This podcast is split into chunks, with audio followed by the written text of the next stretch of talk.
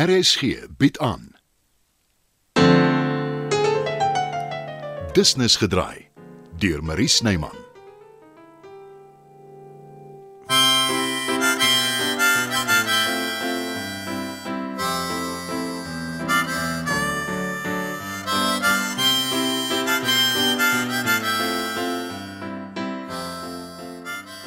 Goeiemôre my een en enigste regterhand.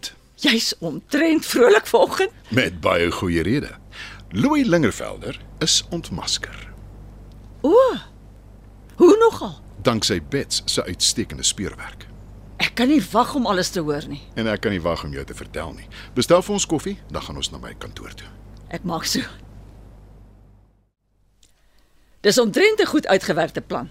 Hy bevriend die matrone onder valse voorwendsels, koop 'n sekuriteitswag en 'n skoonmaker om alles om by Janet uit te kom. Die matrone het selfs vir hom my ma se nommer gegee. Gelukkig gebruik sy nie die selfoon nie. So sy het nooit die boodskap gehoor nie. Dis 'n verligting. Veral aangesien sy reeds so ontstel is. Ek vind dit laakbaar om misbruik te maak van iemand in haar toestand. Louis Lingervelder maak nog sy lewe lank misbruik van almal. As ek in karma geglo het, sou ek gesê het dit is hoekom hy in die hospitaal is met 'n baie verswakte nierfunksie. Ja, mens moet maar liewer nie so dink nie. Hy het self erken hy het hard gelewe. Sou dit dan nie sy lewer gewees het wat ingegee het nie? In sy geval is die twee of liewer drie organe verbind. Dit het te doen met gifstowwe wat nie behoorlik verwerk word nie. Die groot vraag is nou, gaan jy nog steeds vir Louis se behandeling betaal? Ja. Jy kan op my mediese fonds sit as afhanklike. En wanneer hy uit die hospitaal kom, kan hy een van my woonstelle gaan bly. Sekere gemeubileerde een. Ek skat hy nie juis meubels of toebehore nie. Jy verbaas my. Hoekom doen jy dit, Chris? Een van die dinge wat my ma my geleer het, is om nie toe te laat dat ander se gedrag vir jou voorskryf hoe jy optree nie. As ek afdaal na sy vlak en hom aan sy genade oorlaat, is ek nie veel beter as hy nie. Jy's 'n goeie mens. Ek hoop hy is dankbaar. Ek gee nie om of hy dankbaar is of nie. En jy is een wat hom jammer gekry het in hospitaal toe gestuur het. Dit moet hel wees om na aan die einde van jou lewe niks te hê nie. Reël tog vir hom ook 'n toelaag. Anders staan hy dalk op die straathoek met 'n plakkaat. Wat van die matrone? Sal sy hom nie inneem nie? nee. Sy het dit baie duidelik gemaak. Ek neem aan jy gaan haar nie aankla nie. Ek sien nie die nut daarvan nie. Sy is eintlik 'n goeie matrone wat een misstap begaan het. Wel, ons hoop maar dit bly by een. As sy haar werk verloor daarvoor, sal dit jammer te wees. En jou ma, bly sy aan in die versorgingseenheid. O oh, nee, beslis nie. Ek moet dus begin soek na 'n ander plek vir haar. Dis nie nodig nie, Alvera. Beteken dit dat Ja, ja. Ek en Bets het daaroor gepraat. Sy gaan by ons bly. Dink julle dis raadsaam? Beslis. Ons gaan die sonkamer vir haar inrig sodat sy 'n uitsig oor die tuin het en 'n privaat verpleegster aanstel om haar te help versorg. Is jou net te vind daarvoor. Sy het nog altyd te kenne gegee sy bly lekker in die versorgingseenheid. Die laaste ruk was traumaties vir haar toe sy agterkom die matrone skielik nie meer so inskikkelik nie. En voor ek vergeet, jy en Dieter is genooi vir aandete. O, dankie. Ons sal graag kom. Wat ek nie verstaan nie is wat wou Louis uit Janette en haar al die jare? Jy het gesê daar was 'n boks met dokumente. Dis reg. En in die boks was daar iets wat hy baie graag wou hê.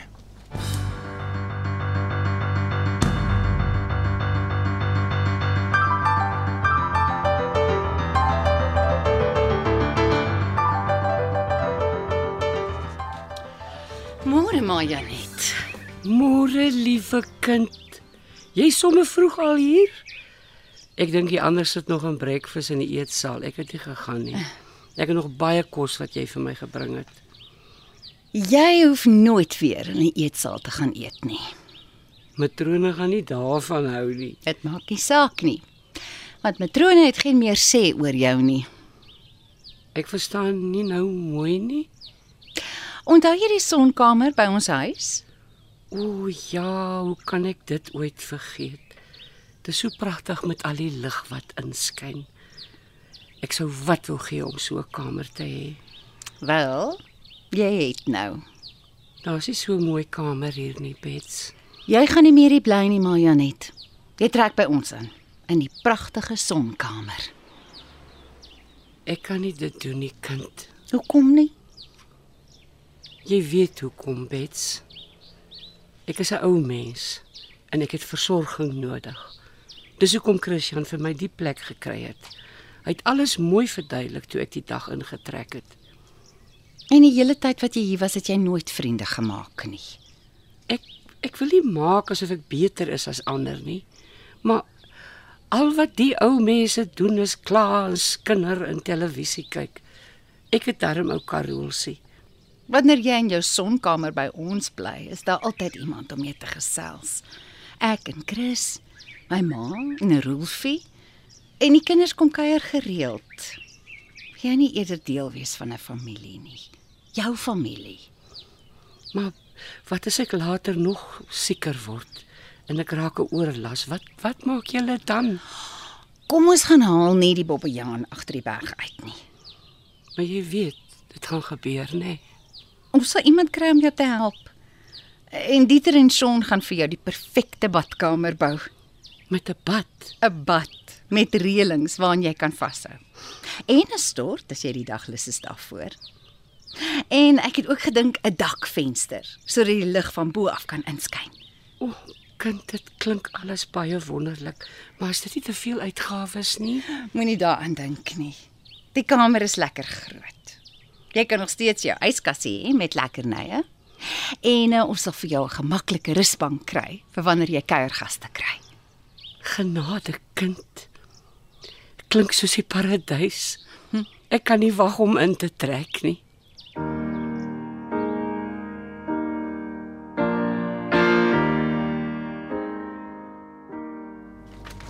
Dis wat Louis so graag wou. Lyk soos 'n testament. 'n Horing ou een. Ah. Vir 'n woonstel in Seepunt. Bemaak aan Janet. Weet jy hoeveel so eiendom deesdae werd is? Aangesien Louis en my ma nog getroud is binne gemeenskap van goedere en hy my duidelik laat verstaan dat hy dit volmag. hy het gedink hy kan dit uit haar uitkry. Wie het dit aan Janet bemaak? Die eienaar van die woonstel. Aha. Ek en sy het ruk daar gebly toe ek baie jonk was. Hy was 'n ou tannie. My ma was goed vir haar en sy en haar dogter het eers oor die weg gekom. het. Toe besluit sy my ma is haar erfgenaam. Was jou pa toe nog in die prentjie? Aan en af. Ek vermoed hy het uitgevind van die testament. Maar toe besluit hy om te verdwyn. En hy het seker nou eers weer onthou van die woonstel. Verval 'n testament nie na so 'n lang tyd nie. Dit weet ek nie. Hmm. Maar dit maak in elk geval nie saak nie. Die vrou se dogter het die testament betwis. Toe gee my maar die eiendom vir haar sonder om twee keer te dink. Die dogter moes net die boedelonkoste betaal. Dis die soort mens wat sy is. En nou na hoeveel jare kom jou pa met 'n ompad en 'n slenter om die plek in die hande te probeer kry? Dis eintlik pateties. Dis presies wat hy is. Pateties. Ek wil dit vir hom vat en in die hospitaal vir hom vertel wat gebeur het. Is dit regtig nodig? Ja, dit is. Hy het my ma probeer bel hieroor. Kan jy dink wat dit aan haar sou gedoen het as hy deurgekom het na toe? Hoekom laat weet jy hom nie net nie? Want ek wil die uitdrukking op sy gesig sien.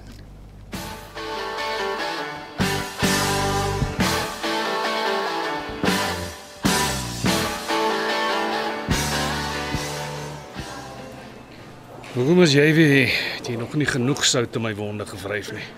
Om die waarheid te sê? Nee. Dis wat jy wou hê. Nie waar nie. Wat is dit?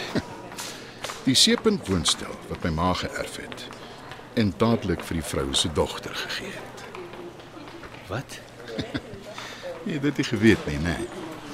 Jy het beslis nie jou besigheidsin by jou ma geërf nie. Ja, en ook nie by jou nie. En nou gaan jy my seker op straat uitgooi. Nee.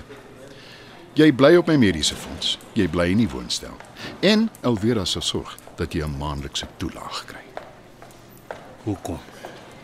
want ek is nie jy nie.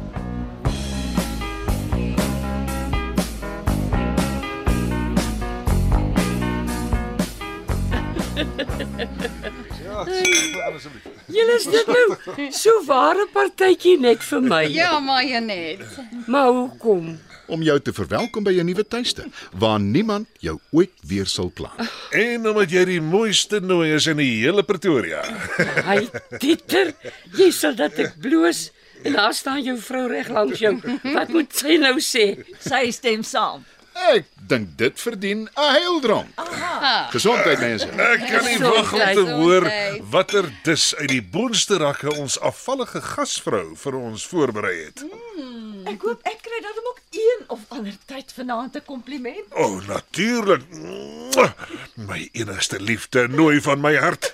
Nog 'n heildronk. Christian, kan ek jou iets vra? Iets belangrik. Ja, ma, natuurlik. Cheers. Daar's iets wat die matrone vir my gesê het wat ek nou eers weer onthou. Wat is dit, ma? Sy het vir my gesê jou pa lewe nog. Is dit waar? Enigiets is moontlik, ma. Maar ons gaan nie nou daaraan dink nie. Asseblief tog nie. Ek sien nie kans vir nog smart en ellende nie. Dit was nog 'n episode van Business gedraai.